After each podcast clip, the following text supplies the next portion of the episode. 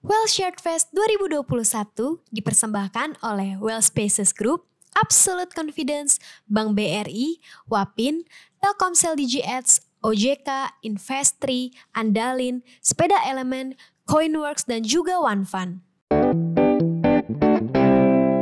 Oke guys, kembali lagi di Well Shared Fest 2021. Hari ini gue ada di Bali nih, khusus banget untuk berbincang-bincang dengan narasumber kita hari ini. Jadi kita uh, sambut di sini ada Mas Adrian Gunadi, CEO dan founder dari Investri. Sore Bro Aryo, sore so, semua. Sore, selamat datang Mas di villa saya ini. Waduh, luar biasa nih ya, suatu kehormatan nih di hosting di villanya Bro Aryo nih di sini.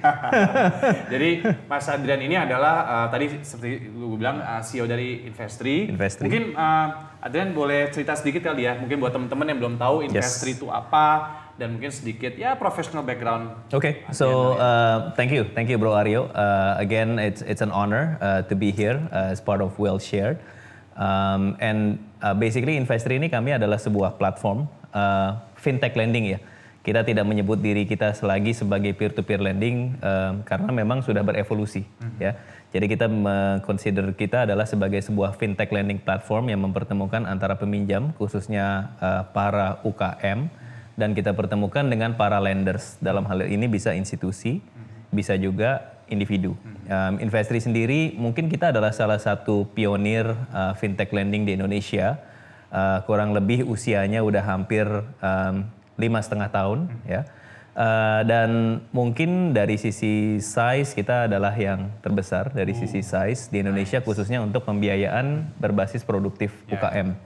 Um, selain daripada di Indonesia, kita juga sudah hadir di Filipina uh, dan juga di Thailand under uh, the Investri brand, obviously. So ini baru ya? Um, ini baru dapat izinnya itu awal tahun ini. Okay. 2021 gitu Selamat ya. kalau gitu. Thank you, thank you. Membawa thank nama Indonesia ke lumayan, lumayan Indonesia. bisa membawa presence dari fintech um, Indonesia dan juga I think it's a testament to uh, what Investri stands for. Jadi sebenarnya latar belakang Investri uh, tidak terlepas dari my background as a professional, as a banker actually. Um, hampir 20 tahun uh, gue di banking. And uh, selama di banking, I think uh, banyak opportunity, banyak segmen yang sebenarnya belum tersentuh oleh perbankan. Satu karena faktor regulasi, kedua karena faktor memang uh, adopsi teknologi yang mungkin masih rendah um, di perbankan. Ya. Dan inilah sebenarnya yang menjadi latar belakang uh, why not uh, combine technology and financial services. Um, kira-kira lima tahun yang lalu lah mulai um, uh, melihat melakukan benchmarking juga dengan apa yang ada di Amerika, apa yang ada di UK uh, when it comes to fintech lending. Dan idenya adalah wah ini Indonesia ini 65 juta UKM akses penetrasi perbankan itu masih kurang lebih sekitar 30 persen kredit perbankan kepada UMKM jadi kalau menurut data IFC ada 100 billion dollars credit gap yang belum bisa dipenuhi oleh perbankan. Ini Indonesia so, aja atau Indonesia aja. Indonesia aja. Kalau kita bicara oh. tambah Thailand, tambah Filipina, you're Trillions talking, lah ya mungkin you're talking ya. about mungkin about 300 to 400 billion of credit okay. gap. Jadi waktu kita lihat seperti itu, oh, hmm. why not gitu ya? Okay. Kenapa nggak make the next leap of faith ya, mm -hmm. keluar dari professional and uh, begin a journey as a technopreneur gitu ya, okay, uh, specifically fintechpreneur. Gitu yeah, ya. yeah, yeah, yeah. Um, so that's what happened actually. Uh, gue bersama dengan two other fellow co-founders, kebetulan mm-hmm. ex-bankers juga. Mm-hmm. Uh, they were ex-Deutsche investment bankers mm-hmm. gitu ya. Uh, Kayak berat-berat semua ya timnya.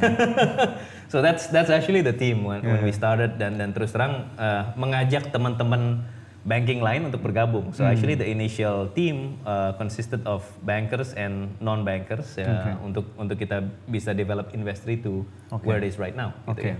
But again, I think purpose-nya adalah bagaimana kita bisa uh, membuka akses hmm. pendanaan kepada UKM hmm. um, dengan menggunakan teknologi. Hmm. Uh, that was actually the the thesis gitu ya. Oke okay, oke. Okay. But at that time ya, yeah, I mean considering kan lo mulai tahun berapa tuh? 2015. 2015. 15 exactly. Right? And then at that time banking has always been, you know, traditional banking lah. So the only innovative thing about banking at that time is online banking doang nih gitu. Dan mobile banking. Dan mobile banking. oke. okay. Nah, but for somebody basically you ya yeah, at that time Adrian baru lah gitu. Yeah, And then when you when lo mulai investasi kan bukan kayak lo di belakangnya BCA atau yep, di belakangnya yep. Mandiri atau siapa pun. So was it like a very challenging uh, thing for you to let's say uh, approaching the you know to cover the regulation misalnya Yeah. and also approaching consumers ya Right. kalau Ya, ya, ya. ini ini ini produk Kalau baru nih produk orang baru aware gitu kan. Heeh. Ya, yang pasti challenge pertama adalah convincing the wife ya. Oh oke. itu, itu lebih tough lagi How is gitu. that? How is that?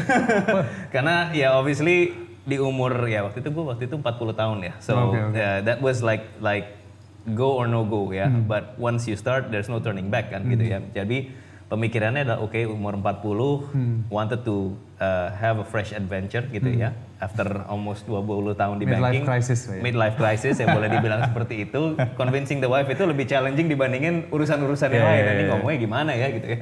So yang pasti pertama adalah um, co- conveying that message first kan. Hmm. What what what you wanna do, you wanna start a startup dan sebagainya. Um, but I think berkaca di 2015 Hmm. waktu itu kalau saya tidak salah. Uh, that was the early stage where uh, many of our unicorn sekarang itu memperoleh big amount of funding.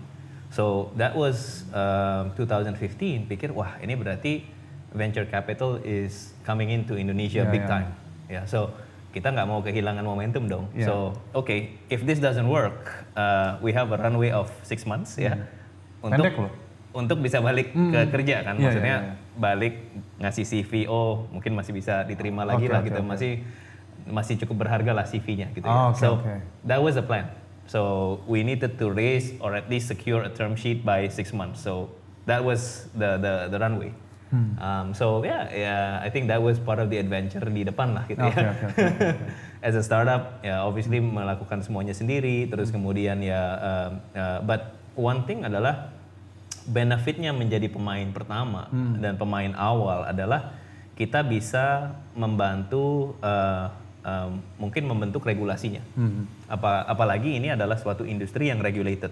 Iya. Tadi kita bicara mengenai uh, sesuatu yang baru, uh, apalagi when it comes to financial services, harus ada regulasi yang jelas gitu. So that was actually also um, pekerjaan yang kita lakukan. So it was not only just building a startup, but how do you build the regulation for the industry um, for the future gitu ya. Dan alhamdulillah sekarang tidak hanya Investri, tapi ada 148 uh, anggota asosiasi gue Itu yang terdaftar lah ya. itu yang terdaftar dan berizin. Yang tidak terdaftar ada ribuan ya kan?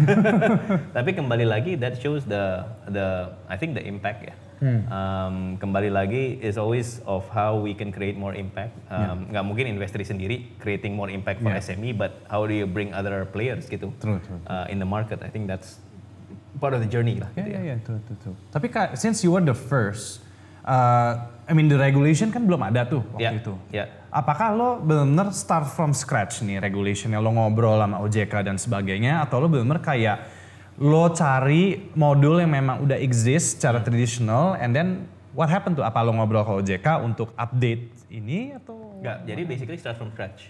Like from zero? Zero, ya belum ada sama sekali di Indonesia belum ada sama sekali yang Bro, melakukan ini. you must be very powerful to create such regulation nih buat. Enggak lah, enggak lah. I think I think kembali lagi um, kita kita bicara problem di Indonesia is access to finance dan OJK sendiri kan uh, memang salah satu misinya adalah bagaimana bisa lebih memperbesar akses pendanaan kepada UKM. So di sinilah kita memunculkan suatu inovasi baru ya yang mungkin 10 tahun yang lalu belum ada ya Um, dan dan uh, I think apa yang kita lakukan kita benchmark juga regulasi yang ada di Amerika Ya. dan apa yang ada di UK. So those were actually the two countries yang kita benchmark.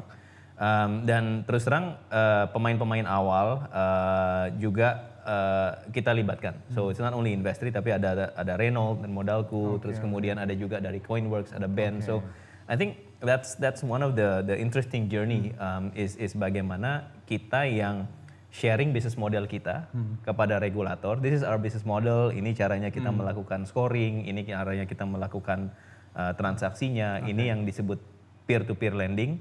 Oke, yuk kita sama-sama um, define regulasinya seperti apa nih kira-kira. Uh, kenapa gitu? Karena we know that when you talk to the venture capitals, uh, pasti pertanyaannya regulasinya gimana di Indonesia? Ya ya, it's not easy to change it juga kan It's not sebenarnya. easy to change and and they want to also be sure bahwa industri ini tidak Aman akan lah ya. ditutup kan kalau tidak ada regulasi. True, true. So uh, that becomes one of the key challenge yang kita harus uh, solve gitu ya Hmm. tanpa adanya regulasi yang clear pasti becomes a question mark for you to raise uh, Hmm. funding kan.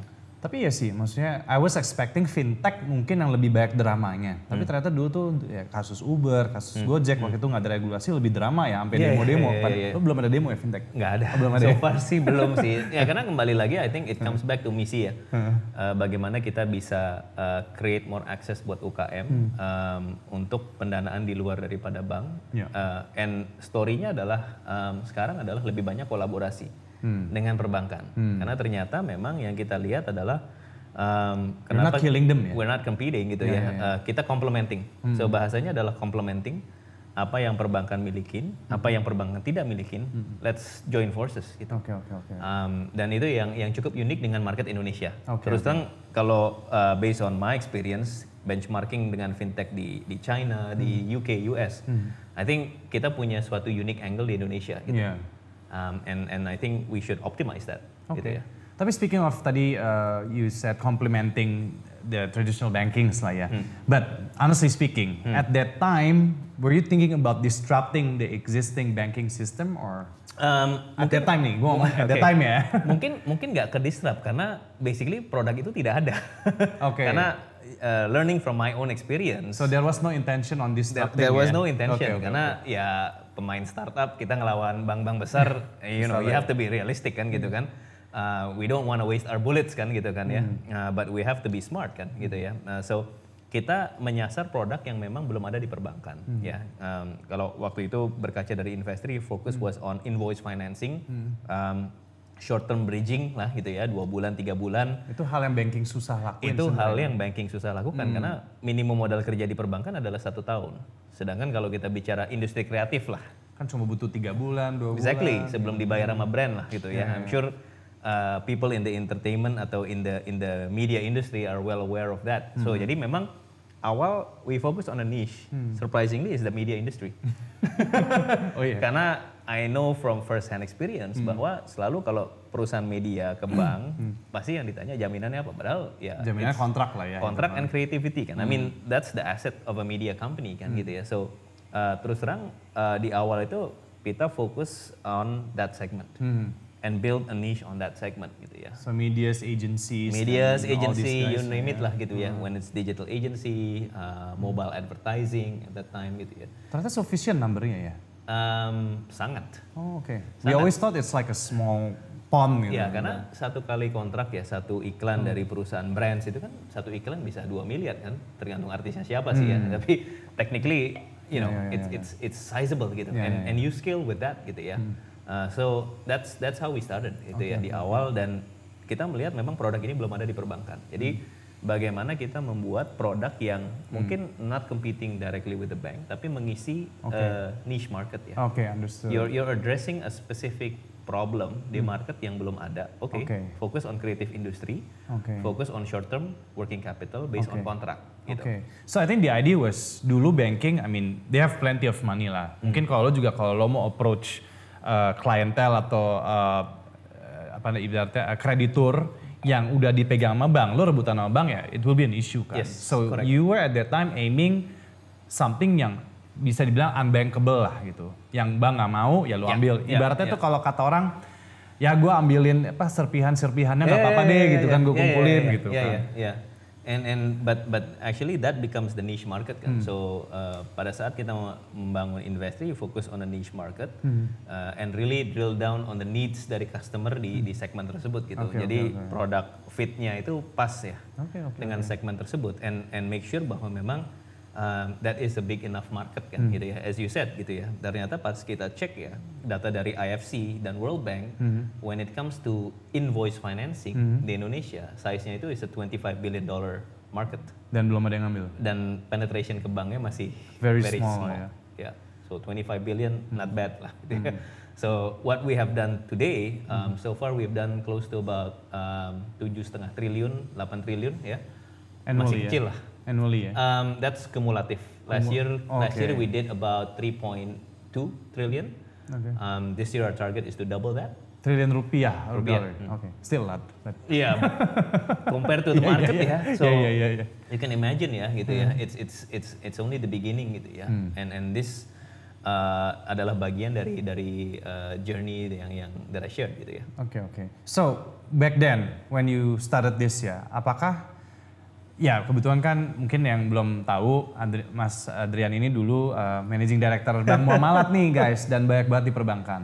Anyway with all your banking uh, background and and experience, uh, apakah ide ini yang ya bisa berhasil ya because you have that experience gitu. Mm -hmm. And apakah somebody yang actually don't have this experience akan punya isu nggak sih untuk membuat ide seperti ini pada zaman itu ceritanya. I'm not okay. talking now ya, but if you if you flashback itu how how do you see it? Nah, I think I think tergantung segmen yang dibidik ya. Mm -hmm. Jadi uh, yes, experience does help gitu mm -hmm. ya dalam tentunya network mm -hmm. ya. Tapi kembali lagi market yang belum tersentuh oleh perbankan masih sangat besar. Hmm. So orang yang mungkin uh, belum ekstensif hmm. pengalaman perbankannya, tapi understand about ekosistem, hmm. understand about uh, segmen SME ataupun consumer yang belum tersentuh hmm. oleh perbankan, and how to make a more uh, customer accessibility hmm. Hmm. lebih baik mungkin bisa juga gitu ya. Yeah, yeah, yeah. So I think it's it's the matter of fact that market Indonesia itu when it comes to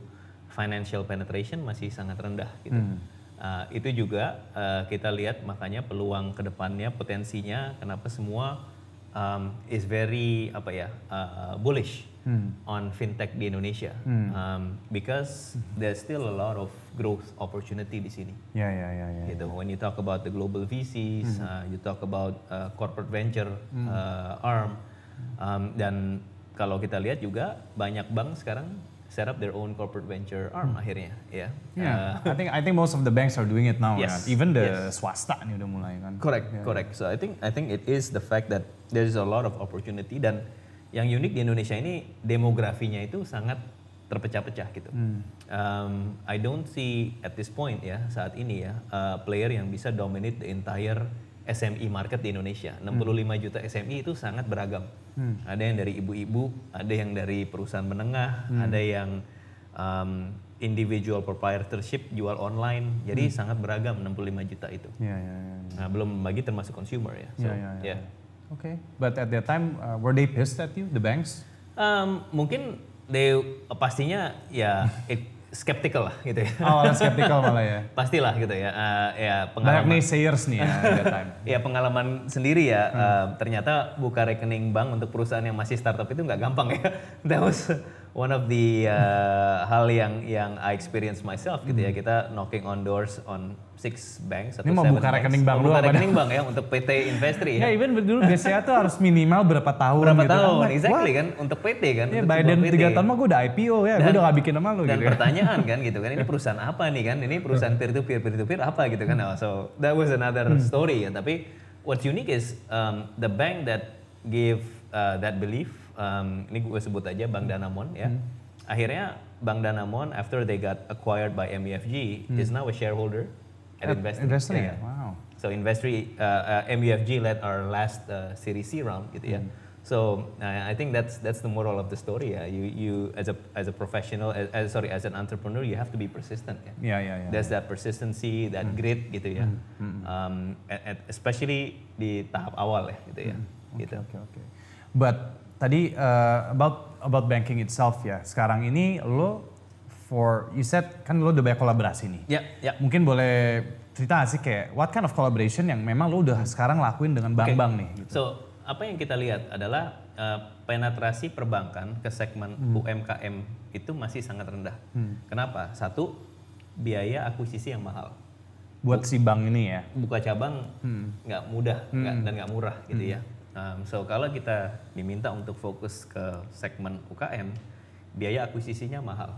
Yang kedua, credit scoring atau data hmm. terkait dengan pendanaan kepada UKM masih sangat terbatas hmm. di Indonesia. Ya. Nah, main-main tuh dari mana? Dari bank lo dapatnya? Enggak. Yang mana? Ya, all this uh, credit rating information at that time gimana tuh? We develop on our own. On, on your own yeah. ya. Okay. So we develop on our own and using alternative data. Hmm. Jadi sekarang pertanyaannya, oke, okay, how do we address these two problems of the hmm. banks? Karena perbankan sendiri sebenarnya dari Bank Indonesia dan dari OJK itu punya mandat sebenarnya. Ya.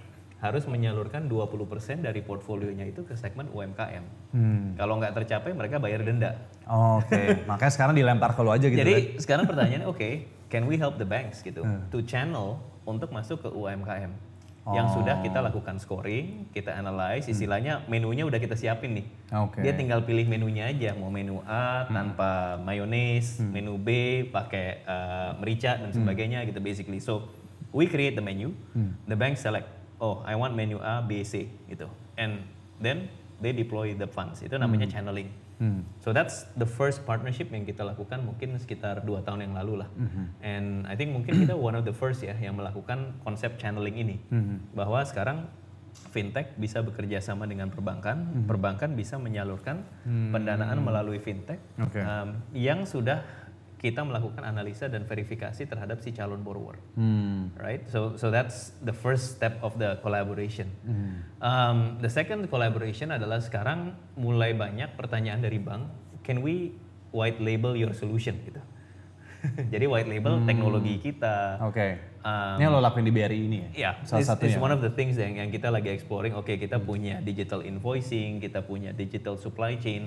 Bisa nggak solusi ini di uh, white label? Ya, ya. Ya, daripada bank meng-create sendiri, ya udah punya pakai punya solusi um, investri lah gitu. Oke, tapi tetap brandnya brand mereka Brand gitu mereka. ya? Oke. Yang ketiga adalah um, sekarang kita punya satu anak perusahaan namanya AI4C, which does uh, credit scoring as a service.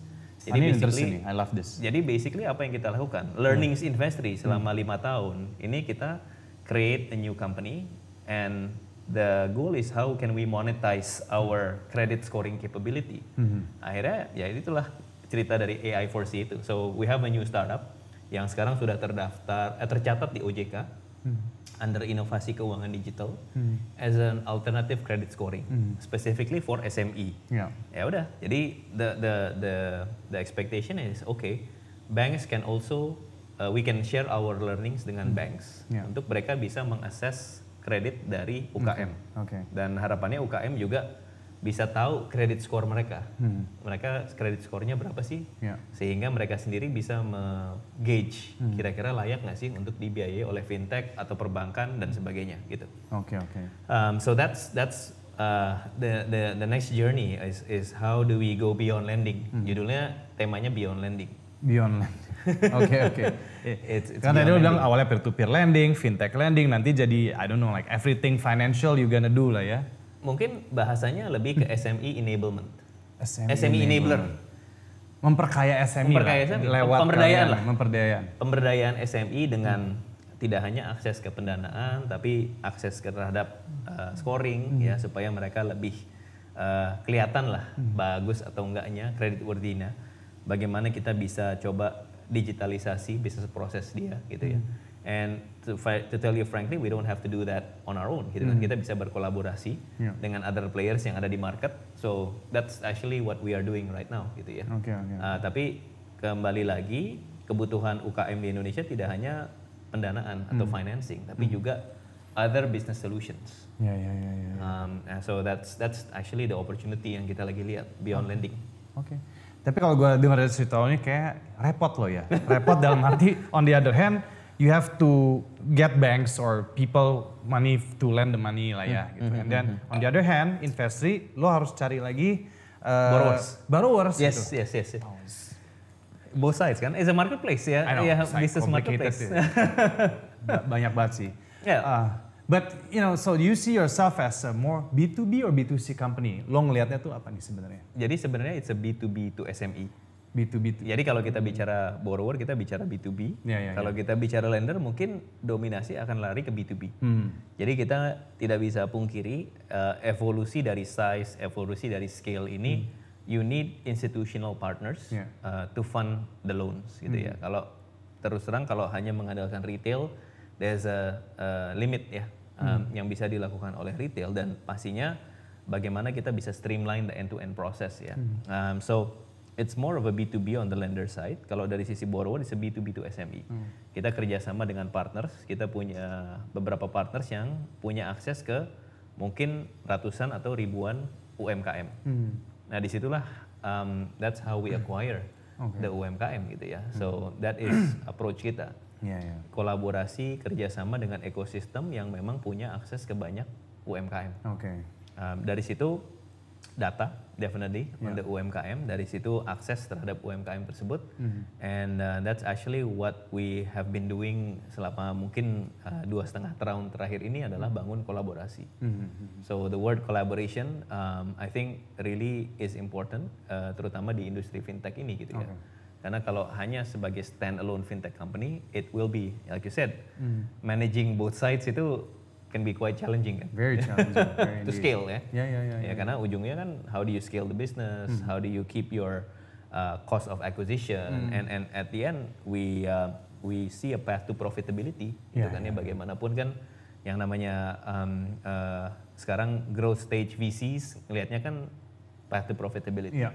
So we have to ensure that we have that clear path to profitability. Ya, ya, ya. Ya sama ini bro, gue tuh aware kalau investor itu has been supporting several companies nih. Hmm. Uh, kemarin ada O Indonesia, ada hmm, Mbis. Hmm, hmm, hmm. uh, gue penasaran nih, uh, what okay. was the reason you did that? But okay.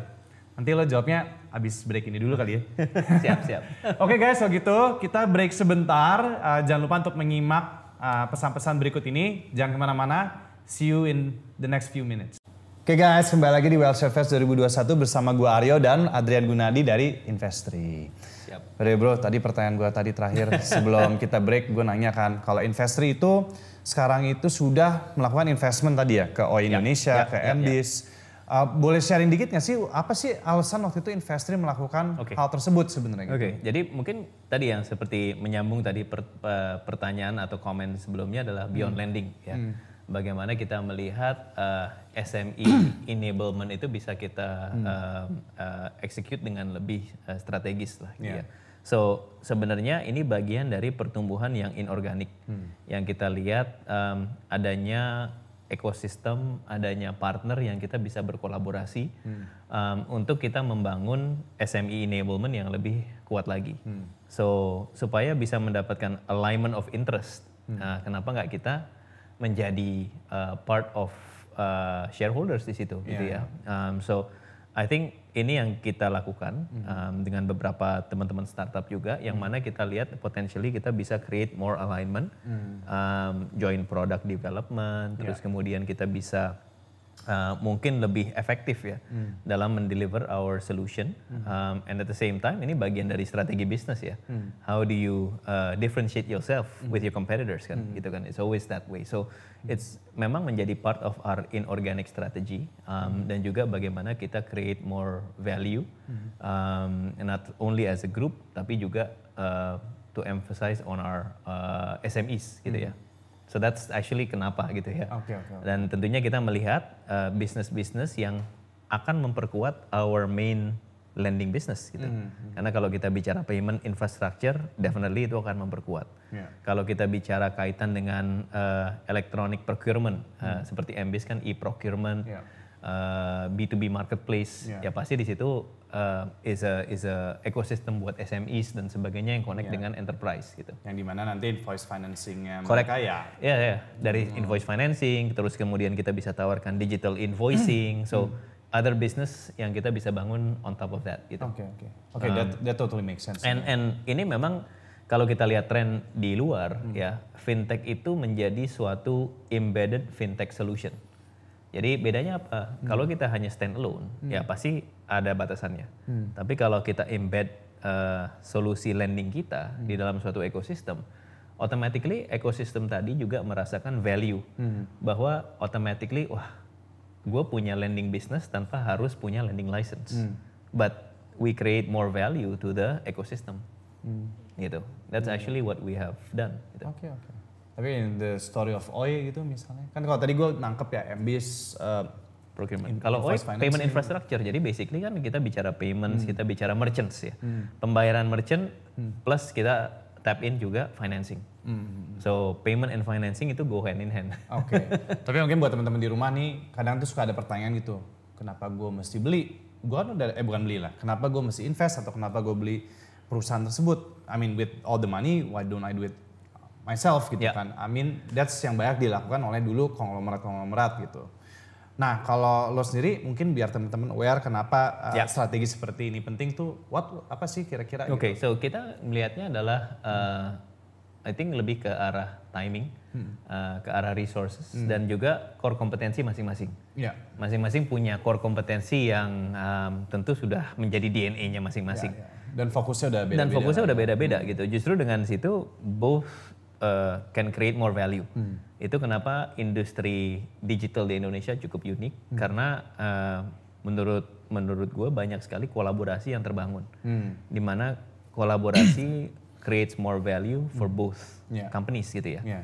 Um, so that's where uh, I see the the opportunity gitu ya. Oke oke. Mungkin buat you know everybody home gitu yang, yang lagi mikir adalah karena banyak banget tuh gue ketemu founder atau entrepreneur tuh kayak yang gue pengen bikin company ini nanti akan ngelakuin ini ini ini kayak banyak banget gitu loh bro.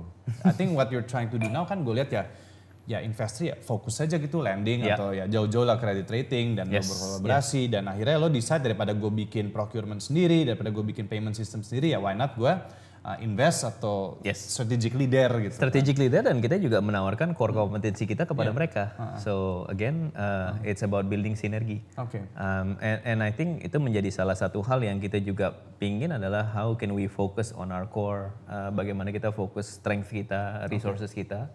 Um, tapi at the same time kita jangan sampai melewatkan opportunity. Iya. As an entrepreneur, we always have to see opportunities kan, what next kan. Uh, sama aja kayak lari maraton kan, nggak nggak terus nggak happy lah dengan 42 kilo, tapi you gotta do more gitu ya, apalagi Ironman dan sebagainya gitu ya. Ini orang gila ini dia. Lo udah dia udah lari 40 kilo, berenang lagi berapa kilo? Uh, 3 kilo Tiga lah. kilo, sepeda berapa kilo? Eh, 180 Itu dalam gitu ya. satu hari. Ya satu hari lah. Rip banget. Nah itu bagian itu bagian dari building a startup mentality kan. No, exactly. You need endurance, you need focus kan, agree, I disiplin dan sebagainya gitu ya. Ah, and, and, and ya itulah Jadi- mental endurance. Jadi intinya juga olahraga penting ya buat jadi you know entrepreneur. Ya? Yes, yes. Iya. Oke. Nah, untuk tadi kalau gue perhatiin kan lo kayaknya I see that you have this thing with B2B. Mhm, Apa you do investing in a way B2B and then the companies you invested they're also doing B2B. Uh, other than lo believe kan oh ya udah karena mereka memang B2B ini uh, masih relate sama investri. Oke. But lo as a as a personal perspective, how do you see um, apa ya startup yang B2B gitu loh di Indonesia compare to B2C how do you see it now Eh, mungkin sekarang trennya meningkat ya kalau kita lihat B2B ya, ya? B2B ya. Dibandingkan mungkin dengan 3 4 5 tahun yang lalu ya. Um, ini juga I think uh, tren yang kita lihat di other markets kan. Typically uh, growth stage dari startup itu mulai dengan B2C dulu ya. Tapi it will evolve gitu ya. And you see more and more I think yang cukup unik seasoned professionals yang sekarang uh, karena pengalaman mereka, karena network mereka, karena mereka tahu problem apa yang ada di hadapan mereka. ya ya Now they're creating their own company gitu kan ya. And uh, addressing the problem through a B2B uh, strategy. Um, dan ini akan terus terjadi gitu ya. So I think it's an evolution of the maturity of the startup industry juga. gitu. oke oke Uh, in the end, yes, there will always always be B2C. Tapi sekarang mungkin uh, proporsi atau pertumbuhan yang B2B juga meningkat gitu. Um, kembali lagi uh, market mana yang mau diadres, bagaimana mengadresnya, masing-masing punya strategi sendiri gitu kan. Uh, but again, I think yang cukup unik kita melihat semakin banyak profesional yang creating their own uh, B2B business. I ya. agree because waktu gua mulai tahun 2012 2013 kan startup mulai munculan tapi semuanya B2C dan kebanyakannya mulai ini tuh very young uh, mungkin uh, working experience-nya belum lama atau apa gitu kan so not a lot of professionals Ya. back then gitu Ya, kayak masih ya. pada takut kayak ah gue udah enak gaji gua atau apa Ya, gitu ya. kan so I guess that's drive yang tadi kita bilang apa Correct. B2B startup mulai berkembang karena professionals yang mungkin tadi takut atau mereka ini udah mulai berani dan I think these professionals seeing the problems when they were still working there kali ya. Yes, correct. They see that correct. that ya Benar. sebenarnya kayak lo juga kan Benar, gitu. benar. Jadi melihat di depan, oh ini ada opportunity, ini ada peluang yang belum tersentuh. Gimana kalau kita um, address peluang tadi atau opportunity tadi in a different manner gitu kan. So that's actually what uh, what what what I did learning from from past experience gitu ya. Yang lo rasain pada saat itu. Yang dirasain pada saat itu gitu kan. Ah, Ini buat teman-teman di rumah yang sekarang lagi kerja nih, daripada lo bingung bikin apa, misalnya lo kerja di bank, lo mau bikin restoran kan agak menyimpang ya. Benar. Agak jauh nih. Ke- Kenapa nggak lo lihat di sekitar lo what's going on Correct. dan lo korek-korek nih pasarnya gimana apa, Yeah, gue yeah. bisa masuk nggak? Mungkin bisa mulai dari situ kali ya. Bro, ya? start start with eh, problems yang yang kita di sekitar identify aja dulu. sekitar sekitar kita gitu kan. Itu mungkin salah satu angle. Then you bring your co-founders dan sebagainya, then it becomes the the journey kan. Menjadi part of that journey. True, true, true. so that's something that you would advise everyone ya. Just find that problem around you first and Yeah. then just try to get it lah. Yeah. Jangan nggak usah jauh-jauh nyari Nggak usah jauh-jauh, gitu. nggak usah jauh-jauh karena again I think kembali lagi um, yang penting dan it's it's always a question that I get from uh, um, when when you raise adalah domain expertise kan. Atau penting ya. itu penting lah bagaimanapun karena di lapangan kan kondisi berbeda kan maksudnya oke di pitch mungkin bagus in essence it's bagus tapi kondisi di lapangan kan bisa berbeda-beda kan and uh, terus terang ya dengan adanya pandemi ini it's it's a good learning ground kan Iya, iya. iya. Tapi kalau For everyone. misalnya with domain expertise kan ya orang kadang tuh domain expertise is ya kadang orang domain expertise but sometimes some industry is a repetitive work. ya So something not really new but they've been doing it years ya ya udah gitu. But is it do you think it's possible for someone that they don't have the expertise but maybe they can learn let's say in a few months and apa to actually build something gitu. Bisa I think I think it's possible gitu ya. And and uh, kalau kita lihat Jadi kalau ada lagi domain expertise bukan berarti patah hati gitu. ya? bukan berarti patah hati gitu kan. It comes back to uh, mentality-nya ya. Uh, problem yang mau di address addressable marketnya seberapa besar gitu ya. And bring in the right uh, the right co-founders gitu kan. Exactly. yang mungkin punya domain expertise tersebut gitu kan. Um, so I think it's a combination dari dari ketiga dari beberapa hal tadi gitu ya. Or if you don't have the expertise, uh, you need to learn more than those who has the expertise lah at least ya gitu kan. ya correct correct Work harder. gitu.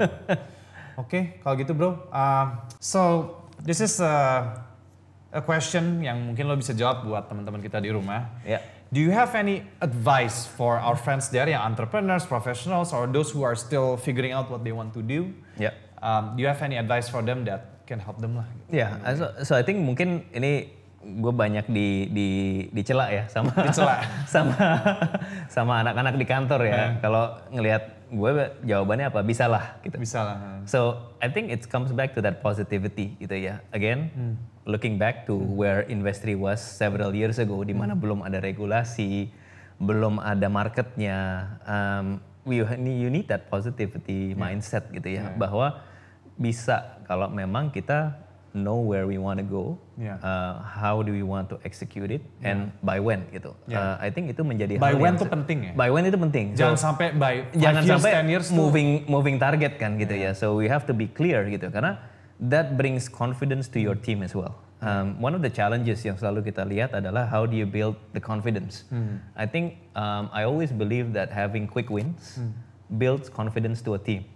Yeah. And and if you have Small wins, quick small wins wins, gitu quick ya. wins, that builds confidence, right? Oh no, I believe that as the well. more you are confident, the more you're able to drive uh, things kan. Things yang tadinya uh, mungkin wah ini bisa nggak sih ya, possible nggak sih ya. So it's always going beyond your limits gitu. And uh, that I personally also relate to what is one of my hobby, is doing triathlon. Sebagai atlet ya as kan.